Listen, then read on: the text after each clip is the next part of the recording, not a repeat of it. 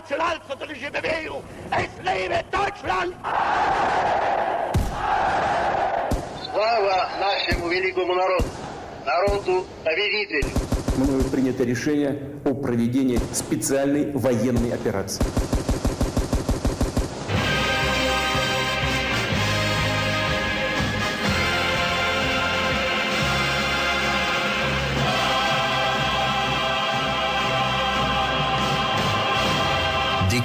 Diktaatorid. tere tulemast kuulama meie uut saadet Diktaatorid. mina olen Krister Paris, Eesti Päevalehe ajakirjanik ja mul on väga hea meel tervitada enda vastas ajaloolast David Vseviovit.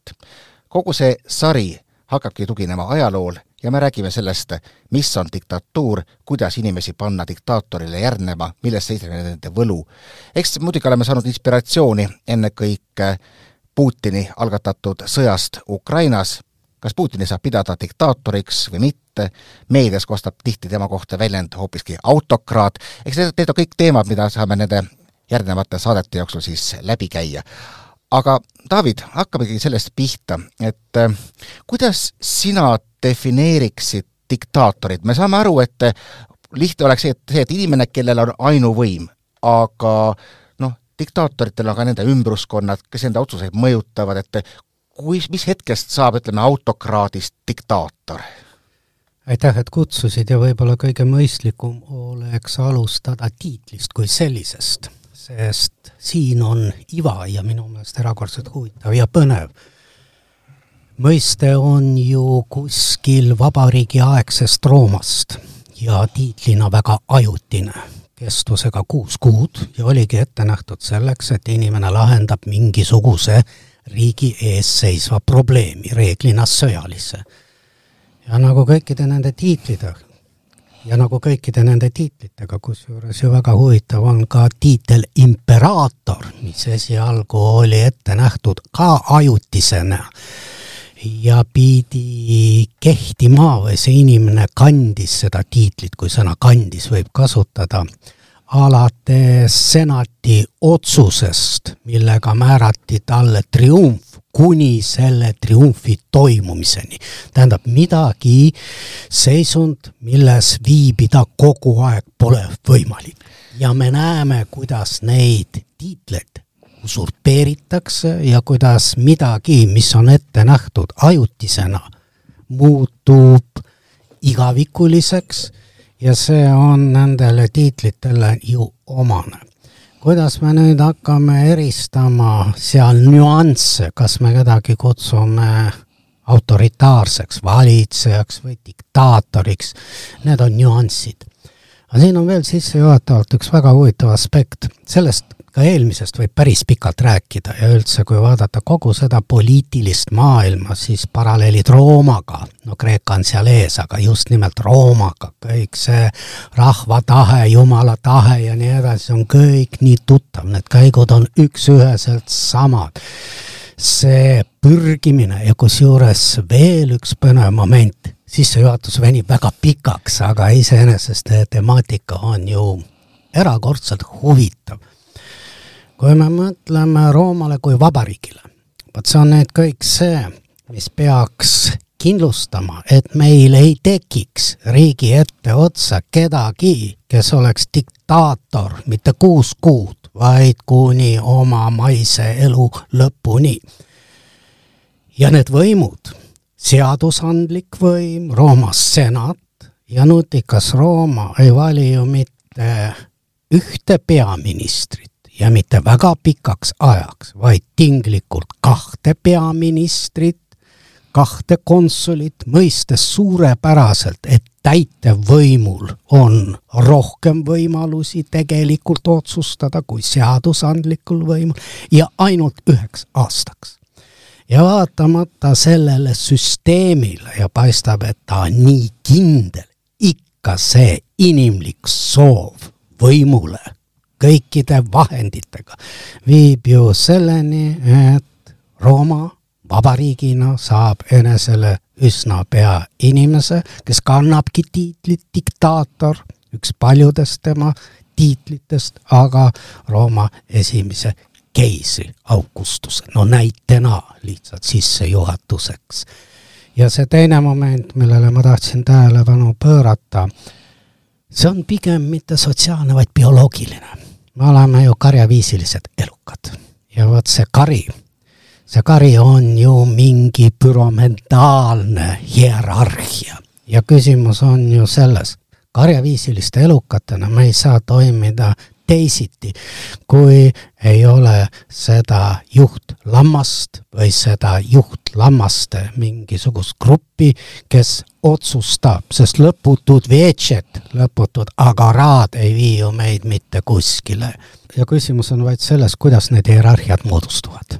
kas nad nii-öelda kasvatavad pea ja loovad süsteemi, et teatud aja tagant see pea vahetub või me võime seda püramiidi kujutada ka pea peal seisvana, et see pea on igavene ja see pea määrab kõik need järgmised astmed, kes siis sõltuvad tema suvast ja tema tahtest. Ja siis me saamegi rääkida diktaatorist ma just äh, mõtlen, et äh, igasugune võim vajab mingisugust legitiimsust, ta kas suudab siis inimeste heaolu eest hoolitseda, võib ta võib olla ka see legitiimsus sünnipärane, nagu see on monarhiate puhul.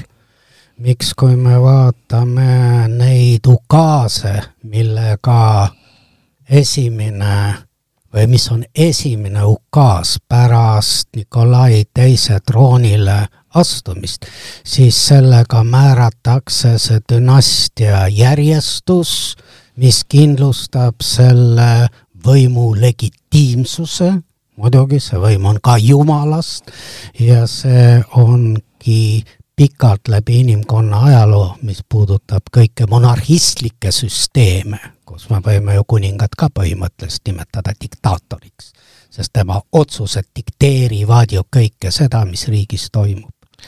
Aga kuningas või kes iganes seal on, saab püsida võimul ikkagi tänu sellele, et teda sealt maha ei võeta ja tal peab olema ka teatud populaarsus kas, kas inimesed nagu tahavad ennast siis samastada eduka juhiga näiteks või millest see tuleb? kindlasti, see on kaks niisugust motiivi, jällegi ei ole õige sõna, vahel ei viitsi otsida ei suuda neid leida. see on soov samastuda, soov eristuda. vot see on ju peamine, mis meid tõukab, miks me lehitseme kroonikat, sest me tahame samastuda nende kangelastega miks me samastume riigijuhtidega või riigiga, Nõukogude Liidu variandis ja miks me samastume selle riigi poolt välja pakutud persoonidega, miks Nõukogude inimesed samastusid ja olid uhked sellepärast, et Gagarin lendas kosmosesse, sest selle viletsuse juures kuskil Tambovi kubermangu Tambovi oblasti külas, no millega sa seal samastud inimesed otsivad midagi sellist, nii nagu samastuti Putiniga Krimmi hõivamise variandis, see on midagi, mis täidab rinna uhkusega ja seega inimene nagu osaleb ja on tänulik sellele diktaatorile, sellele juhile, kes talle jagab pseudokingitusi. Sest kui tegelikkus ei võimalda midagi jagada, siis hakatakse jagama pseudoväärtusi, pseudokingitusi. sellel inimesel, ma kogu aeg segan sind, sellel inimesel Tambovi kubermangus pole elu grammi võrdki muutunud paremaks pärast seda, kui hõivati Krimm või saavutati mingisugune võidukene kuskil seal Luganski oblastis. mis tema elus on muutunud? Mitte midagi, tõenäoliselt läinud veel halvemaks aga rind täitub uhkusega.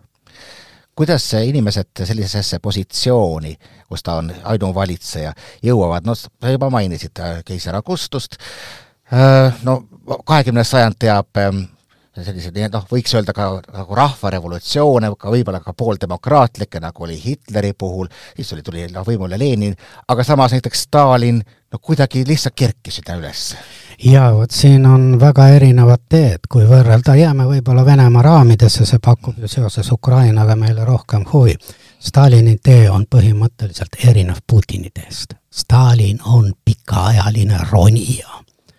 Ta on positsioonidel, mis võimaldavad tal endale ehitada seda redelit, mööda neid astmeid, kui ta jõuab pikapeale sinna tippu. seal on nüansse väga palju, meil ei ole aega nendel peatuda. Putin on sinna tõstetud ja väga sageli tõstetud.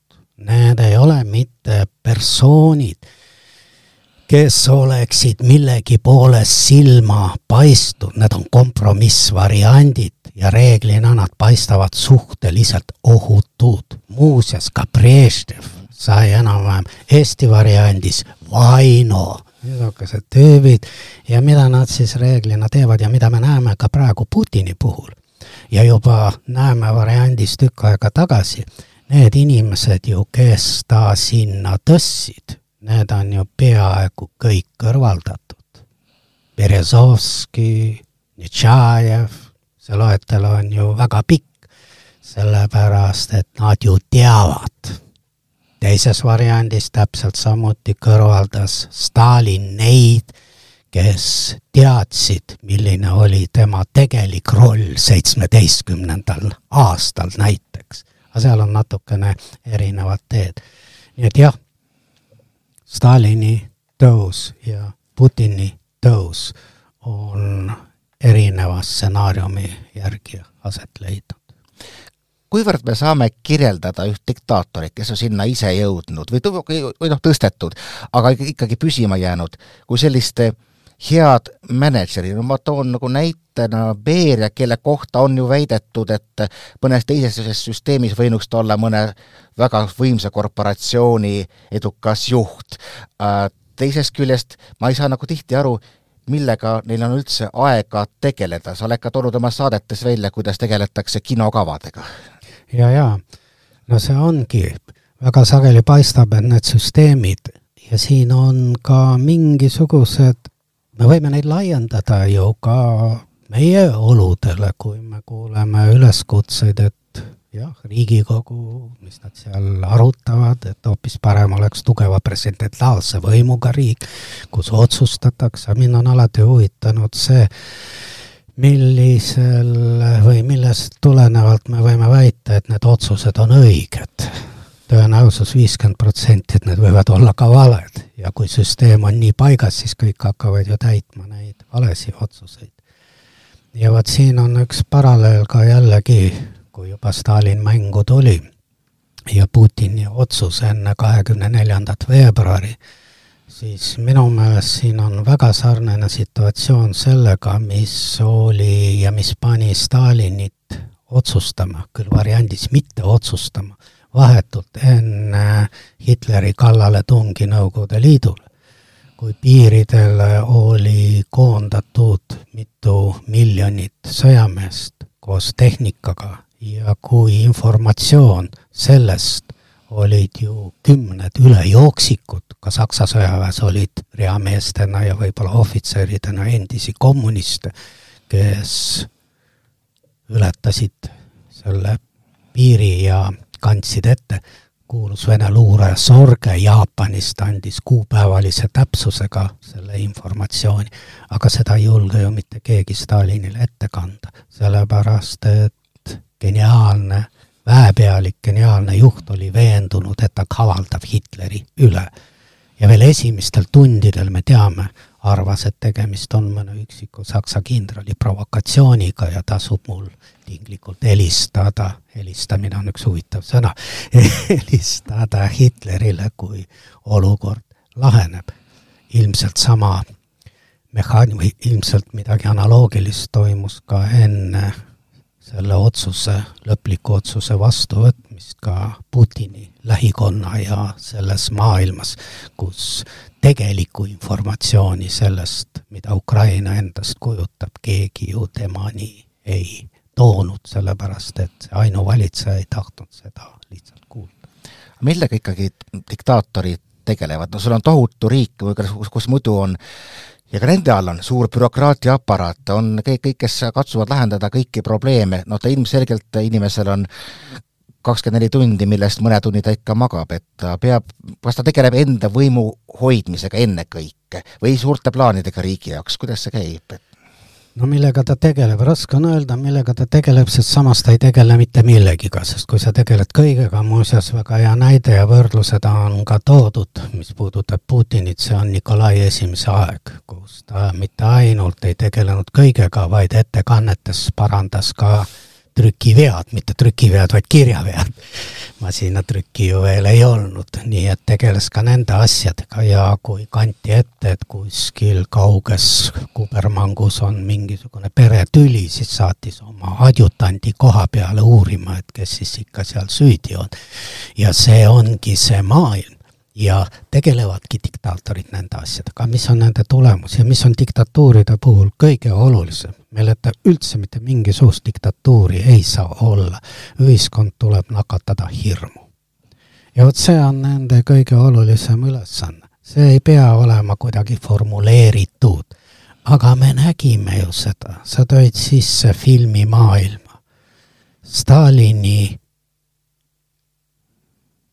filmi läbivaatuste ajal mitte keegi ei mõtle, kas see film meeldis mulle, vaid kõik lähtuvad sellest, otsides sõnu vastuseks, kas, kuidas see film võis meeldida Stalinile. ja nüüd tuletame meelde selle kuulsa Julgeolekunõukogu istungi, kus Putin järgimööda pöördub inimeste poole, mida nad arvavad kas keegi väljendas seal oma arvamust? ei, paaniliselt püüdi tabada Putini soovi ehk korrata sisuliselt tema arvamust. vot see on tulemus, see on tulemus. see on tulemus, see on kõikide diktatuuride tulemus, kui nad muutuvad tegelikult teovõimetuteks, sellepärast et nad on nakatunud hirmu. jah, nad on tohutud kalossid, nad võivad püsida väga kaua, sama asi Nikolai esimese sõjavägi marssis suurepäraselt ja fiasko Krimmi sõjas. paraadidel oleme näinud võitmatud maailma teist armeed, muidugi suur ja vägev, aga nüüd selgub, et on täpselt, minu jaoks on see niisugune déjà vu, kui ma meenutan oma nõukogude aegseid aastaid, seitsekümmend üks kuni seitsekümmend kolm ja mis toimus meie kõrval kadreeritud tankipolgus, kus kõik tagavaraosad olid sealt välja, või mitte tagavaraosad, vaid päris osad, meie tankidele peale keeratud, siis nendest sajast vist mitte ükski poleks käima läinud. ma just mõtlesin korraks alguse peale, kui sa rääkisid hirmust ja kõigest sellest eh, noh, nii-öelda ühe mehe mm, valitsemisest ja sellest, kuidas noh, neid tegelikult ju reaalselt mingisugused seadused ei piira, et see natukene meenutab sellist nagu maffia struktuuri. see ongi mafioosne struktuur, see on täielikult mafioosne struktuur. Stalini võim oli puhtakujuline mafioosne struktuur, praegune täpselt samuti. Hitleri võimu või see struktuurid täpselt samuti, need ongi mafioossed struktuurid. me muidugi peame siis defineerima, mis on mafioosne struktuur, aga põhimõtteliselt see on enam-vähem arusaadav. ja selle vahega, maffia on üldiselt efektiivne oma eesmärkide saavutamisel? no niivõrd-kuivõrd, jah mida me peame, vot need ongi kitsad eesmärgid, kui me mõtleme nüüd ühiskonnale tervikuna, siis jah, sa võid need eesmärgid saavutada isegi Sitsiilia variandis aga tervet Itaaliat juhtida lähtudes mafioosse struktuuri nendest reeglitest, ega sa mitte kuskile ei jõua. igal juhul tähendab ju see hirmu süstimine, et sul peavad olema hirmusüstijad, et sa ikkagi, sul on terve hulk osa ühiskonnas, kes on valmis sellega kaasa minema, et kui ma vaatan praegu, noh, meie ütleme siiski väga, väga hästi toimivat demokraatiat on ju raske ette kujutada, kust need inimesed tekivad? jaa, aga siin tuleb meeles pidada, et piitsa kõrvale on alati pakutud präänikut. Need süsteemid loovad ju oma präänikut, jällegi meenutada Stalinit, millised olid aktsepteeritud kirjanike palgad, millised olid akadeemikute palgad. see hirm see piits seostatakse alati mingisuguse präänikuga. see süsteem loob oma präänikute hierarhia. hiljuti võis uudistes näha, millise näoga võttis Mihhalkov vastu mingisuguse preemia või medali, mille talle Putin praegu andis seoses, ma ei tea, mingi panusega kuskile. nii et see on see süsteem ja see toimib ju täpselt samuti tänapäeva Venemaal. nii et kui sa laulad seda laulu tinglikult ja siis sul on kontserdid, sul on võimalused, sul on sissetulekud. kui sa seda ei tee, siis sul midagi ei ole. ja kui ma mõtlen just äh, praegu kõrvale, kuidas saab vist üsna väikese jõuga tegelikult ennast võimul hoida Venemaa kõrvaliseks siis Valgevene, kus ilmselgelt enamus rahvast oli viimastel valimistel Lukašenka vastu ja ometi jäid nad alla. ehk siis piisab, kui sa nii-öelda tugined mõnele, mõnele musklimehele, kui me toome sellise maffia maffia näitele sisse. jah, teatud ajani on see võimalik, teatud ajani aga siin on väga oluline ka teine tegur, kui me nüüd mõtleme nendele suurtele pööretele, mis on vähemalt Euroopas viimaste sajandite jooksul toimunud, Prantsuse revolutsioon, Venemaa revolutsioon, aga ka kaugemal, need rohelised revolutsioonid Põhja-Aafrikas, siis mängu tuleb lisaks kõigele alati ka kõht. leivapuudus. ja vot seda Valgevenes ei olnud. oleks see ka olnud, sest tõesti, ega siis tinglikult ju tänavatele, no väga tinglikult kasutame seda vana jaotust, nii-öelda töölisklass, kui me võtame nüüd paralleel seitsmeteistkümnenda aastaga, nii-öelda ju ei tulnud, ei tulnud. ja siis on veel igasugused kaasnevad niisugused nüansid ja momendid. ja vot sellepärast piisab ja need süsteemid ju saavad, miks Putin nii palju ressursse rahvuskaardiväele, on vist selle nimi jah, ligikaudu nelisada tuhat meest saadeti ka Ukrainasse korda looma. nii et jah, mingi periood, Valgevene on hea näide, kui need mitmed tegurid ei lange kokku, siis on võimalik seda osa toita ja hoida need sündmused ära.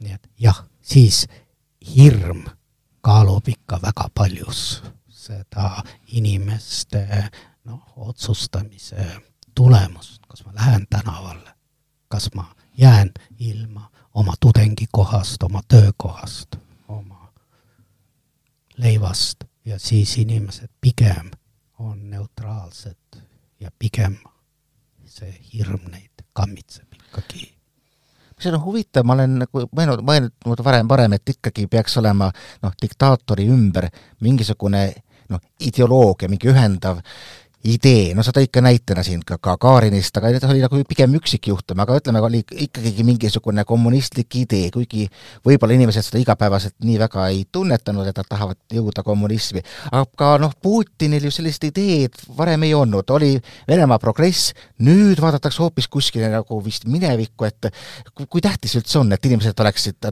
oleks valmis ennast ohverdama mingisuguse äh, tuleviku nimel või vastupidi, selle nimel, et tagasi minevikku jõuda?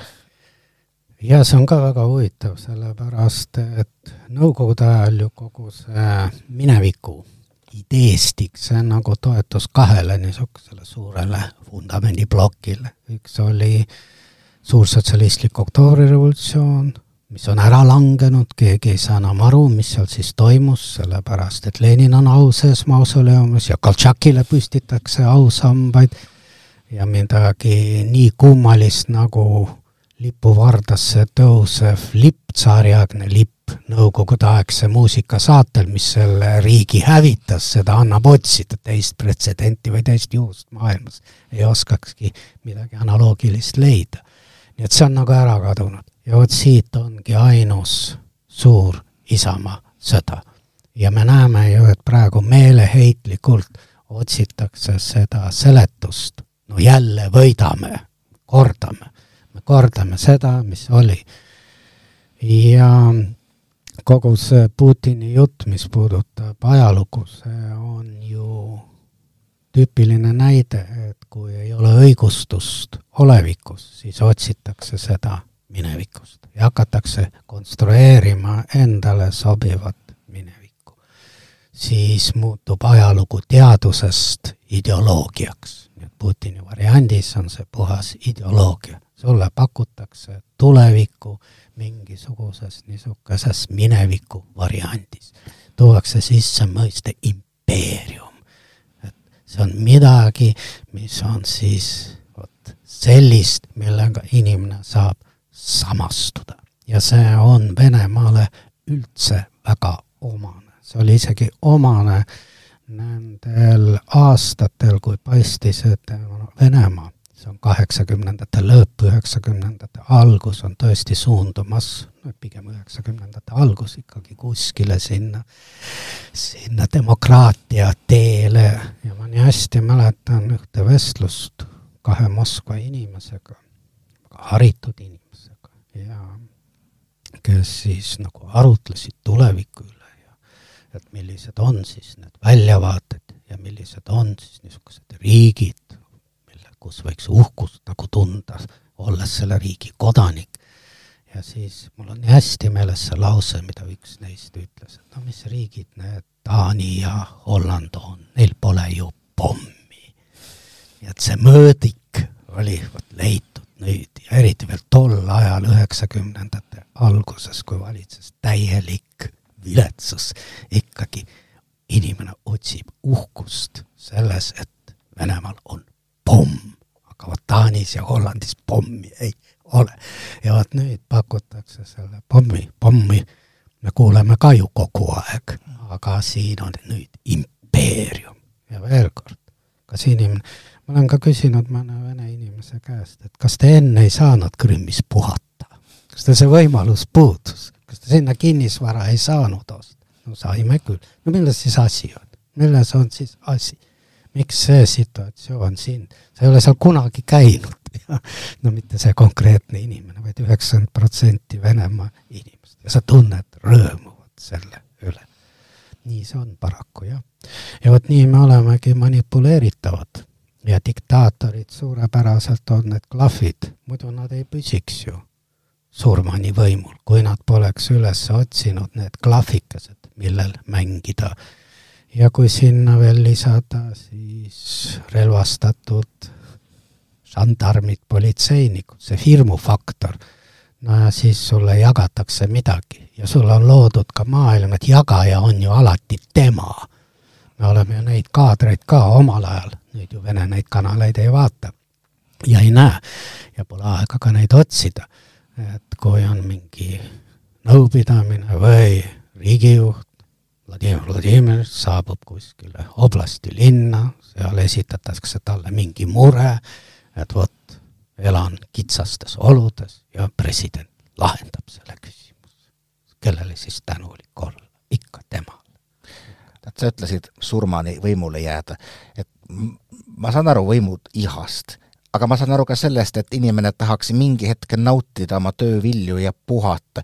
kuivõrd on üleüldse võimalik anda võim üle enne, ähm, enne oma siis lõplikku lahkumist või on see ikkagi liiga ohtlik ühe diktaatori jaoks, ma mõtlen kas või praegu Nursultan Nazarbajevi näitele, kes no ei ole enam selle positsiooni, kus ta tahaks olla. no üldiselt ajalugu eriti neid variante ei tunne. No Rooma keiser Diocletianus loobus siis vabatahtlikult võimust, aga see on ka vist ainus näide, tavaliselt seda ei tehta. nii et jah sa ei saa, kui sa oled üles ehitanud selle struktuuri, struktuuri, kus on tegemist ainult, kus on üks pea, mis varjutab päikese, no tinglikult kaks päikest võivad ju veel olla, nagu luuletajad kirjutasid Stalini ajal, aga kolm nagu ei mahu ära. no oli Lenin kunagine, no kustunud küll päike, aga kuskil seal horisondi tagant ta paistis siis oli reaalne päike, see Stalin, ja kuhu siis sinna pidi, kui nüüd ka Stalin oleks pärast surma muutunud selleks päikeseks, kuhu sinna oleks siis Hruštšov veel ära mahtunud, siis tuligi üks ära kustutada ja nii see on, nii see on, nii see on. nii et loota ka sellele variandile, et järgnev on selle ustav õpilane ja jätkab tema teekonda, kui me võtame kas või Venemaa valitsejad, siis valitsejad, ma mõtlen alates seitsmeteistkümnendast aastast, siis see on alati läbi eelneva eituse toimunud.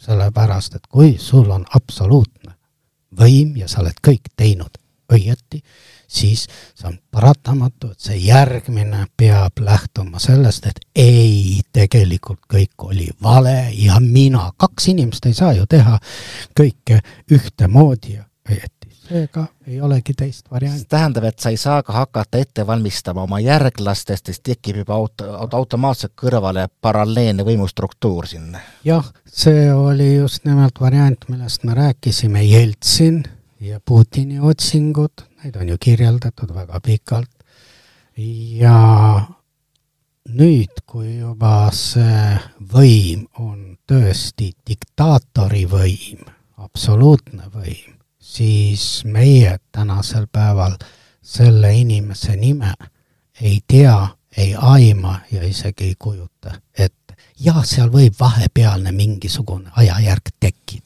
paar kuud, paar aastat ajaloo vaatevinklist tühine aeg, aga nüüd loota, et see järgnev on nüüd ustav diktaatori poolt välja valitud jünger, selle tõenäosus on nullilähedane. ma lõpetaks äh, sellise väikese provotseeriva küsimusega, et kui kaitstud on noh, demokraatiad, nagu Eesti, võib-olla ka kui, nagu Taani, nagu me tõime välja, sellise diktaatori kerkimise vastu, jätame kõrvale võõrima invasiooni, kus pannakse keegi teine pukki, aga me ise ikkagi kukume kokku ja paneme kellegi sinna karja etteotsa, nagu sa tõid näitena no kui mitte väga fantaseerida ja jääda ikkagi Euroopa juurde sellisena, nagu ta tänasel päeval on, kuigi ohumärgid siin ja seal Ameerika Ühendriikides me nägime midagi Kapitooliumi vallutamise variandis, mida me poleks kujutanud siin aastaid tagasi ette Ameerika Ühendriikides. kahtlusi, et Ameerika Ühendriikides võltsitakse valimis ja nii edasi aga ikkagi nii kaua, kui Euroopas midagi taolist, ma mõtlen Euroopa all suuri Euroopa riike, määravaid Euroopa riike, midagi taolist pole juhtunud, ei saa see juhtuda ka Eestis. see on välistatud. vähemalt on meil loodet-, loodetavasti siis sada, kakssada aastat kindlust no loodame, kuigi tänasel päeval loota millegile on üsna mõttetu tegevus aitäh ajaloolasele David Vseviovile, et te kuulsite saadet Diktaatorid. mina olen Eesti Päevalehe ajakirjanik Krister Paris ja jälle kuulmiseni siis äh, meie sarja uues osas.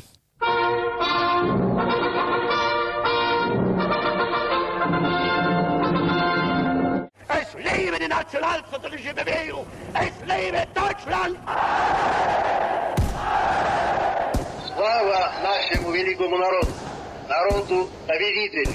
Мною принято решение о проведении специальной военной операции.